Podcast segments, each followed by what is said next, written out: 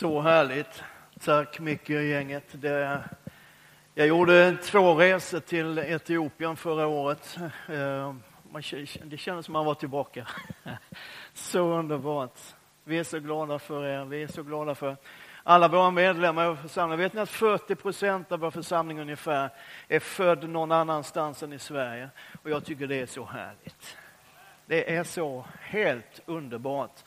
Eh, vi ska tala, eh, jag berättade det förra söndagen, att i januari och en liten bit in i februari så har vi som tema Game Changers. Och sen tjuvstartade jag lite grann eh, förra söndagen eh, därför att det temat, eller det jag predikade om, tacksamhet förra eh, söndagen skulle kunna passa in i den här serien också, ha en del i den här Förklara, Vad är en game changer? En game changer, det är någonting som händer eller någon som kommer in i ett läge och totalt förändrar förutsättningarna. Liksom allting vänds runt. Någon, någon uppfinner någonting eller någon kommer med någonting eller någon bidrar på något sätt med någonting som förändrar hela situationen. man använder det inom idrotten. Liksom den här spelaren som kommer in när det är tio minuter kvar. Eh, jag talade om det här i söndags också. Jag älskar fotboll, så jag talar gärna om det en stund till. Man ligger under med 3-0 och ingenting funkar. Så sätter man in den där spelaren eh, som har suttit på bänken under hela matchen och så kommer han eller hon in och plötsligt så funkar allting i laget. Laget får liksom en ny energi. Va? Och innan matchen är slut så har den här killen eller tjejen gjort en 15-16 mål, sådär som vi brukar göra som kommer från Malmö. Och, eh, och så vinner man det, va? en game changer. Och att då spelaren som får illustrera den här poängen som jag vill göra just nu är Marcus Rosenberg från Malmö FF. Det är bara en ren slump. Det har ingenting med mina personliga preferenser att göra alls. Så, var någon som sa AIK innan, det är så löjligt så det är hemskt. Vet ni förresten att, att Abraham var den första AIK-aren? Abraham i Bibeln var den första AIK-aren. För det står i Bibeln att där allt hopp var ute trodde han ändå. Eller hur? Vi pratade förra söndagen. Det är sant, kan slå upp det.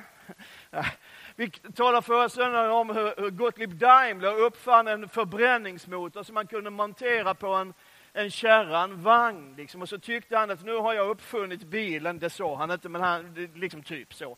Liksom ett, en, en vagn som var motoriserad, så, men den blev aldrig någon större succé för att det gick fortare att gå till fots än att åka med den där. Det var inte så lyckat. Men sen 1912 så, upp, eh, så kommer Henry Ford med sin modell T den första massproducerade bilen för vanligt folk. Eh, och så fick den ett genomslag, den såldes i, i miljontals exemplar, en game changer. Vi har lekt med våra smartphones här idag. Den första smartphonen, den första smarta telefonen som lanserades, brukar man säga att det var eh, IBMs Simon Personal Communicator. Eh, den hade mail och fax.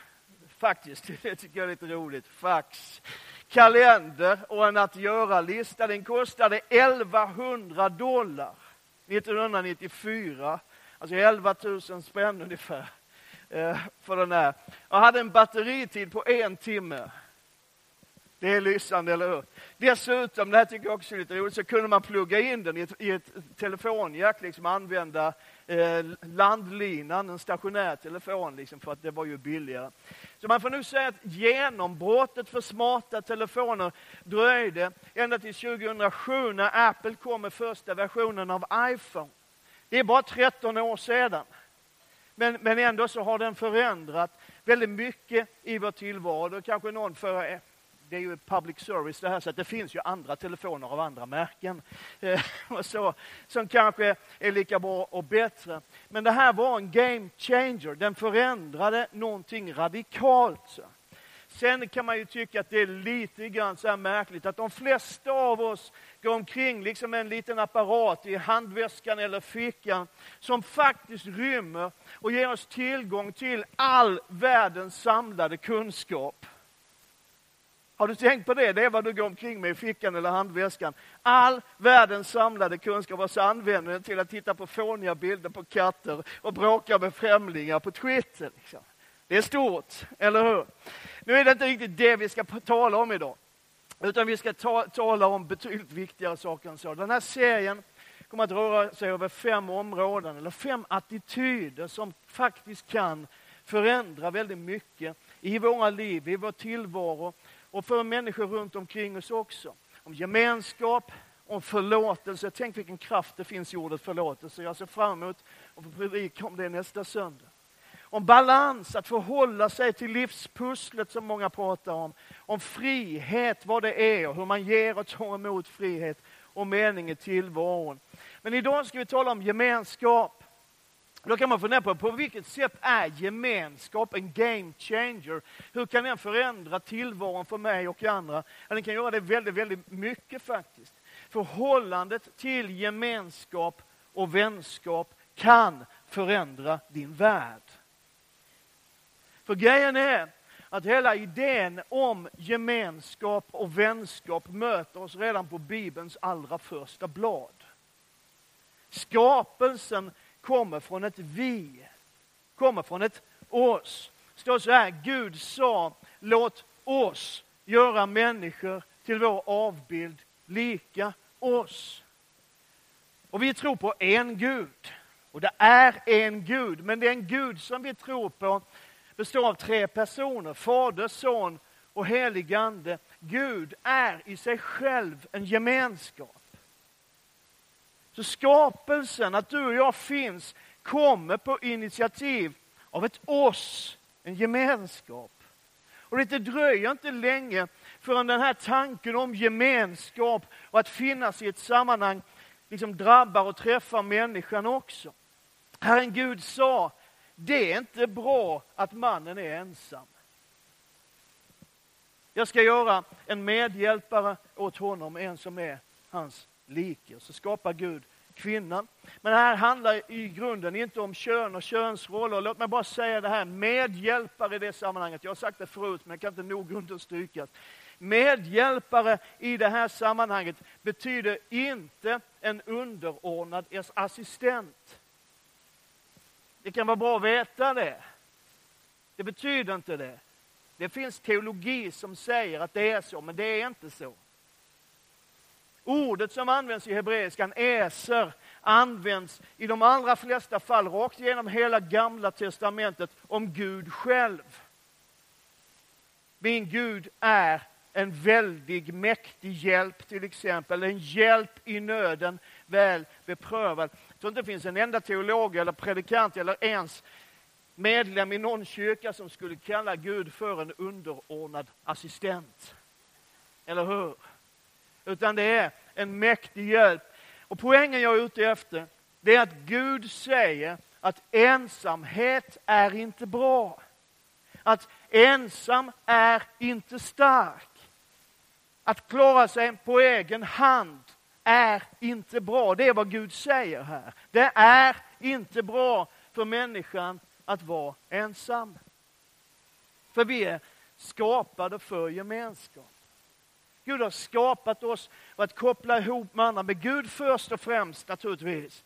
Men också gemenskap och vänskap med andra människor. Vi är skapade för det. Sen är vi människor olika. Och det är väl skönt att inte alla är som du. Vad jobbigt det skulle vara för oss andra. Vet, en del har behov av stunder av ensamhet och andra behöver mindre sånt. En del människor är väldigt utåtriktade och sociala och kallas för extroverta och andra som jag är något mer inbundna, tillbakadragna, introverta. Men, men grejen är att, att egentligen, det finns inget som är rätt och fel i det. Utan vi är som vi är. Men grejen är, även om du är lika introvert som jag och helst sitter på din kammare alldeles för dig själv, så är du skapad för gemenskap. Amen.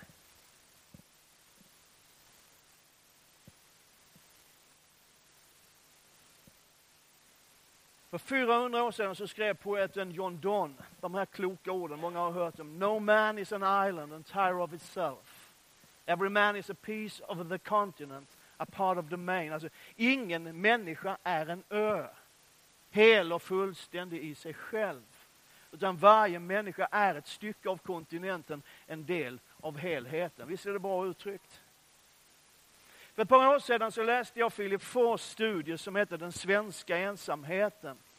Och det kom en del artiklar och en del reaktioner i kölvattnet på den. Bland annat så har analysföretaget VSP gjort en undersökning om hur svenskarna upplever sin situation. Och på många sätt är det en lite dyster läsning. 39 procent av hushållen i Sverige är ensamhushåll. 39 procent och det är högst i världen. 39 procent av hushållen i vårt land är ensamhushåll. 59 procent av de som var med i den här undersökningen uppgav att de ofta eller ibland känner sig ensamma. Och då kan man tänka, som jag gjorde när jag läste den här undersökningen, att det är klart, det finns många äldre som känner sig ensamma. Men grejen är att, att det som var övervägande i den här undersökningen, det var åldersgruppen 18 till 34 år. Och i den åldersgruppen är det hela 78 procent som upplever sig ensamma ofta eller ibland. Och av de som upplevde sig ensamma ofta eller ibland så är det 29 procent av de som tycker att det här är ett problem. Det här är jobbigt. Det är någonting svårt. Och håll i dig nu, det här, det här tar mitt hjärta. 10 procent av svenska folket uppger att jag har inte en enda nära vän. lite kuriosa, men det säger någonting där också. 63 procent av svenska folket har aldrig lånat någonting av grannen. Ja, men det säger ju någonting. Men när du, du sätter dig hellre i bilen och kör till ICA Maxi eller Coop eller någon annan butik. Det finns ju andra butiker. Eh, liksom för att du, du behöver två ägg och, och lite socker. 63 procent har inte vågat fråga grannen, har du ett par ägg? Och 16 procent av svenska folket kan inte namnet på någon av sina grannar. Och då kan man ställa den här frågan som liksom ligger i luften. Är vi världens ensammaste folk? Och jag vet inte. Det är väl ingen som vet riktigt. Men jag vet en sak. Och det är att detta är inte Guds tanke med oss människor. Amen. I sin bok uh, The Connecting Church så skriver Randy Frazee så här, och det här, det här tycker jag är så bra. Upplevelsen av sann gemenskap är ett av de syften som det är Guds mening att församlingen ska uppfylla. Visst är det bra? Upplevelsen av sann gemenskap är ett av de syften som det är Guds mening att församlingen ska uppfylla. Så fortsätter han. Skriftens ord leder oss till slutsatsen att Guds mening med församlingen, lyssna noga nu, att Guds mening med församlingen inte är att den ska vara ännu en aktivitet i våra kalendrar, utan själva navet, centrum i våra liv. Så säger i Apostlagärningarnas andra kapitel om de första troende, den första församlingen, att de höll troget fast vid apostlarnas undervisning och vid gemenskapen, brödsbrytelsen och bönerna. Varje själ greps av bävan och många under och tecken gjordes genom apostlarna. Alla de troende var tillsammans och hade allt gemensamt. De började sälja sina egendomar och ägodelar och delade ut till alla efter vars och ens behov. Varje dag var de troget och enigt tillsammans i templet och i hemmen bröt de bröd och delade måltid med varandra i jublande innerlig glädje. De prisade Gud och var omtyckta av hela folket och Herren ökade varje dag skaran med de som blev frälsta. De höll troget fast, står det. Och det finns en betydelse av ordet i grundtexten som, som liksom leder till uttryck som fast klistrad eller fast nitad. Man höll fast rejält, kan man säga. Vi var då, vid undervisningen, så är det vi tror på. Och gemenskapen. Brödsbrytelsen och bönerna. Och det är som om, lyssna, det är som om, om gemenskapen lyfts upp i det här sammanhanget på samma nivå som teologin, förkunnelsen och nattvarden och bönerna. Och det tänker vi nog inte alltid på. Att vi är tillsammans, att vi har gemenskap med varandra är lika andligt, ligger på samma nivå av värde och vikt som vad vi tror på. Och att vi firar nattvard tillsammans och att vi ber. Det är en del av församlingens liv, det kristna livet, att vara tillsammans och ha gemenskap och vänskap med varandra. Om jag skulle fråga så skulle jag säkert få lite olika svar, men vilket är det mäktigaste miraklet, det märkligaste och mest fantastiska med den första församlingen som vi läser om den i Bibeln? Vet du, om du bläddrar igenom apostlagärningarna så finns det rätt många olika grejer man skulle kunna välja bland. Utgjutelsen av den helige Ande i övre Salem på den första pingstdagen, det är mäktigt. Det är ett mirakel, det är någonting häftigt som händer. Eller när 3000 människor kommer till tro på, på Jesus vid en enda tillfälle, en enda gudstjänst efter en enda predikan. 3000 människor. Eller när man läser om alla de här människorna som blev helade och befriade, fick sina liv totalt förvandlade. Visst är det häftigt? Eller Paulus omvändelse, han som var en som förföljde de kristna och blev totalt förvandlad och liksom går ut i tjänst som missionär och evangelist och vinner tusentals människor för Jesus. Det är häftigt. Det är verkligen mäktiga och viktiga händelser. Men kanske finns det ändå ett större mirakel. Jag vet inte hur du ser på det, men jag, jag börjar luta åt det hållet. Ett, ett mirakel som vi inte alltid tänker på, men som är fantastiskt.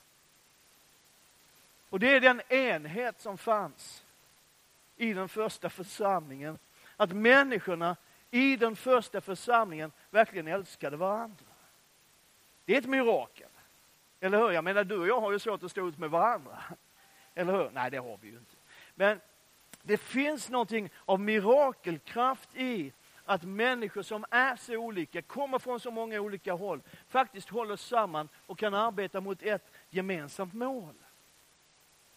Och då ska man ta med i beräkningen att den här första församlingen var verkligen dynamisk. Det var nya människor varje dag. Varje gång man träffades så var det nya ansikten. Och det var en, en kyrka med en stor, nästan extremt stor mångfald. Det finns en uppräkning av de som var med på pingstdagen när lärjungarna hade tagit emot den helige Ande och gick ut och började predika. Och det var de människorna som kom till tro, som blev den första församlingen. Det står så här.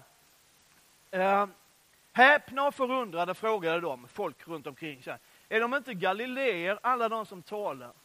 Hur kan då var och en av oss höra sitt eget modersmål? Vi är parter, meder, elamiter, vi bor i Mesopotamien, i Judeen, Kappadokien, i Pontus och Asien, i Frygien och Pamfylien, i Egypten och trakterna kring Kyrene i Libyen. Vi är inflyttade från Rom. Vi är judar och proselyter, kretensare och araber.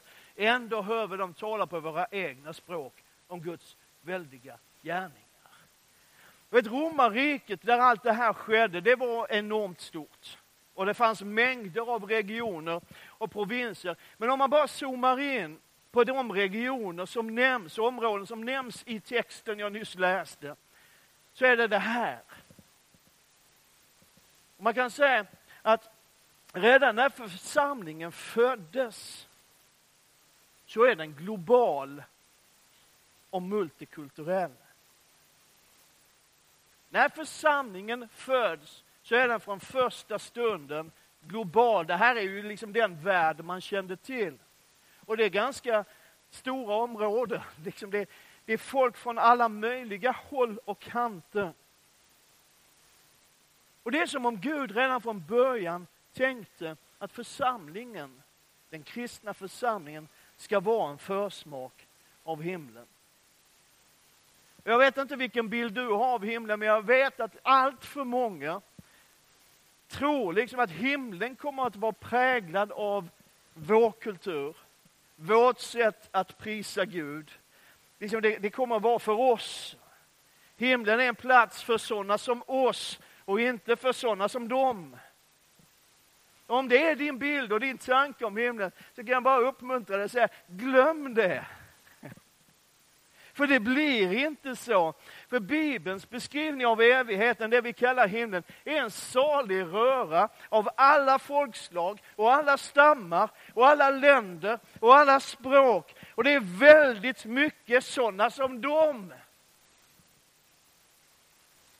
Och det är så Gud har tänkt att församlingen på jorden också ska vara. Lite som här, i ena kyrkan.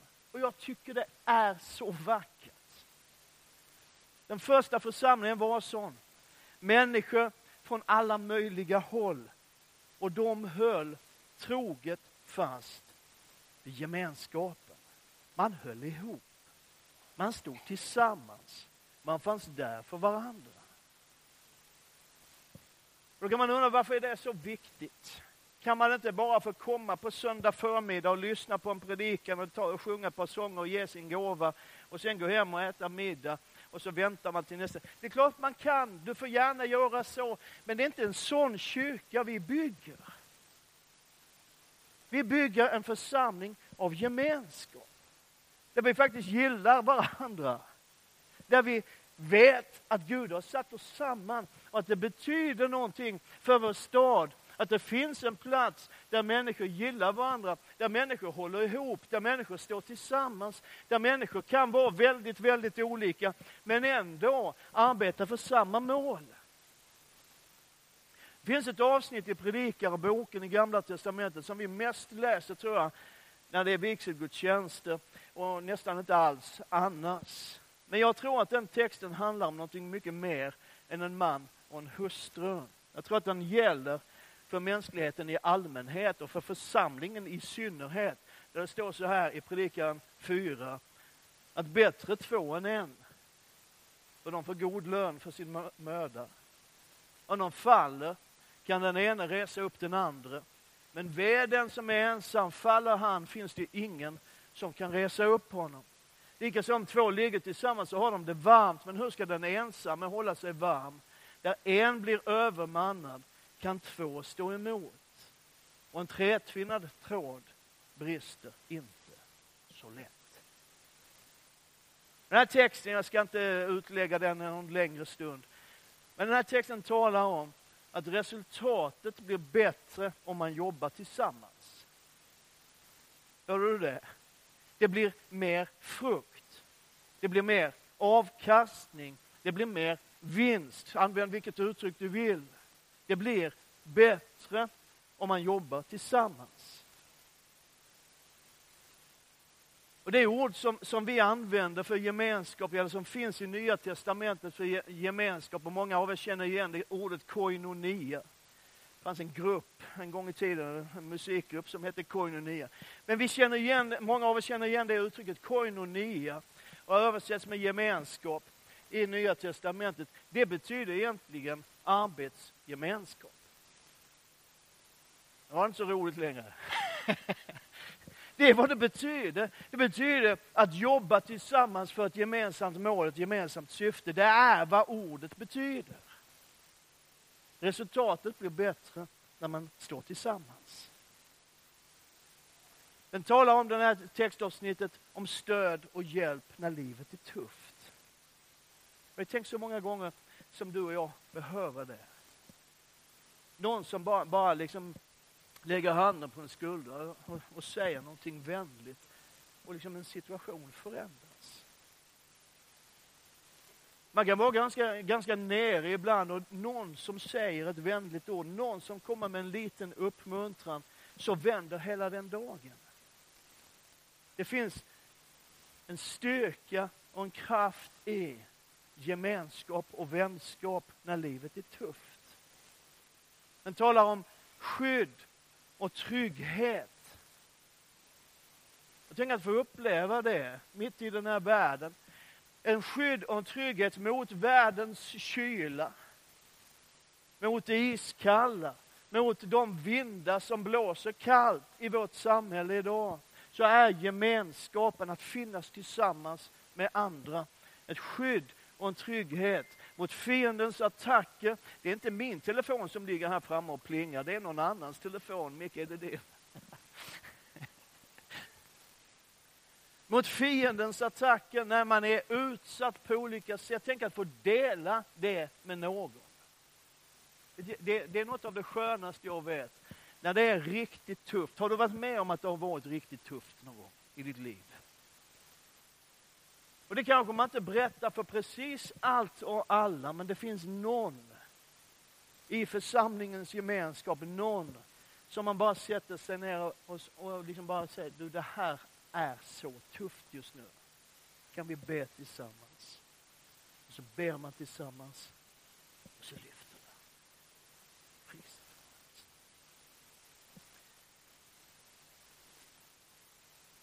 Och så talar de om en tretvinnad tvål tråd. Och det betyder att det är inte bara två parter, det är inte bara du och din vän. Precis som i ett äktenskap, jag brukar använda den här texten när, jag håller vigselpredikningar och, och så. Det är inte bara du och din man, det är inte bara du och din vän. Gud är med, det är tre trådar i den som, som flätas samman.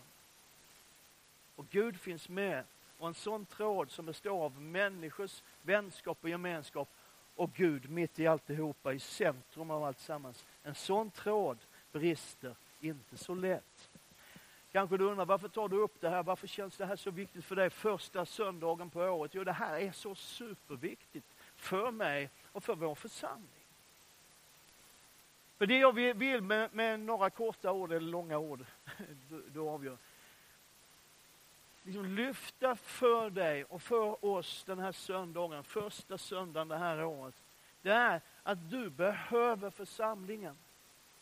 Och församlingen behöver dig. Och det har jag sagt så många gånger. Jag vill säga, jag vill inleda det här året med att påminna dig och mig om det. Du behöver församlingen. Och församlingen behöver dig.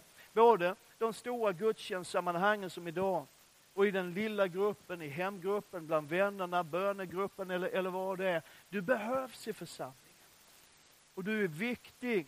Jag skulle kunna predika flera söndagar bara över det här ämnet. Jag skulle kunna tala om församlingen som en kropp där varje kroppsdel har sin plats och är viktig. Jag skulle kunna tala om församlingen som ett tempelbygge där varje sten passar in på sin plats men inte på någon annan plats. Ett hus byggt av levande stenar. Vi är många i ena kyrkan, 329 medlemmar. Vi är olika. Har du märkt det någon gång? Att inte alla är som du. Och det är precis så Gud har tänkt det. Att vi ska vara många och att vi ska vara olika. Och vi behöver dig i församlingen. Vi behöver ditt engagemang i församlingen. Vi behöver att du finns med och tar ansvar på olika håll. Men det här är ingen upp, liksom så här försök att, att få fler frivilliga arbetare. Utan jag vill bara säga till dig, du behövs i församlingen. Den du är berikar oss andra.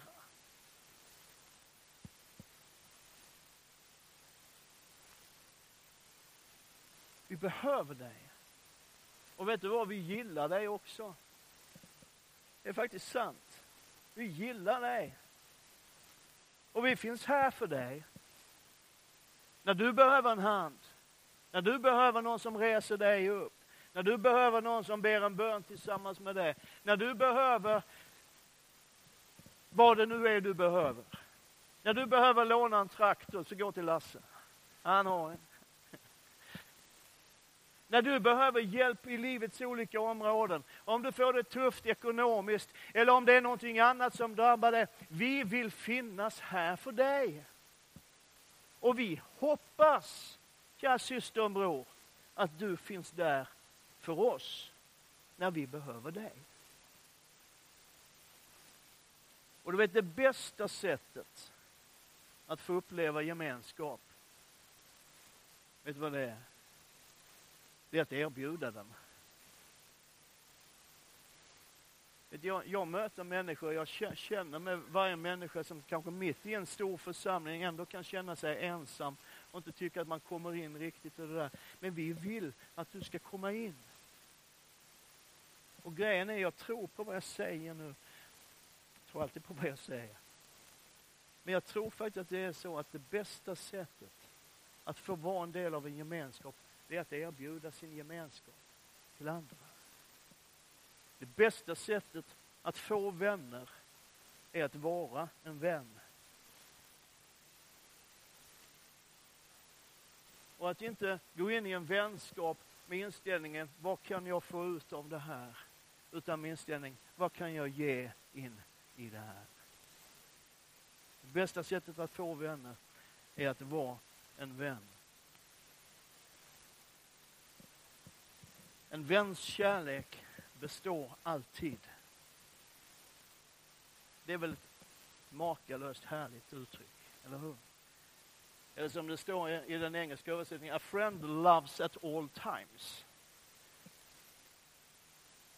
En väns kärlek består alltid. Hur det än är, vad det än är som har hänt. Hur du än har strulat till det, om du så har gjort bort dig, om du har gjort bort dig riktigt rejält. Som vi är vänner du och jag.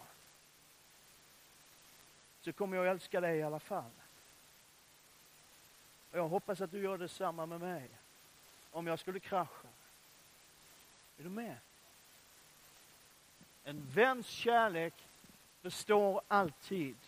Och en broder föds för att hjälpa i nöd. Du har många bröder och systrar här som älskar dig och vill finnas där för dig. Gemenskap har inte så många krav. Men det finns ett krav för gemenskap, jag ska sluta med det här. Det är att man deltar i den. Är du med där? Det finns ett enda krav för att gemenskap ska uppstå. Och det är att man deltar i den. Ska vi be tillsammans? Herre, jag tackar dig för din godhet, för din nåd. Tack för din tanke med församlingen. Tack för, för att församlingen är så oändligt vacker. Och är en bild av det som du har tänkt med mänskligheten när du samlar oss alla i det som vi kallar himlen, i evigheten, inför din tron. Jag tackar dig för att vi kommer att finnas där från alla möjliga håll och kanter på den här jorden, av alla folk, av alla stammar, av alla tungomål, av alla länder, av alla folk, överallt. Jag ber att vi som församling ska få återspegla ditt hjärta, den mångfald som du har skapat oss för, Herre. Kom och möt oss som din församling. Låt din härlighet ännu mer bli synlig i våra liv och i vår gemensamma liv i ena kyrkan. Herre, vi ber för året som ligger framför. Herre, vi ber att den kärlek och gemenskap som vi upplever i den här kyrkan ska få spridas ut till så många fler. Kom du helige Ande. Rör vid våra hjärtan. I Jesu namn. Amen.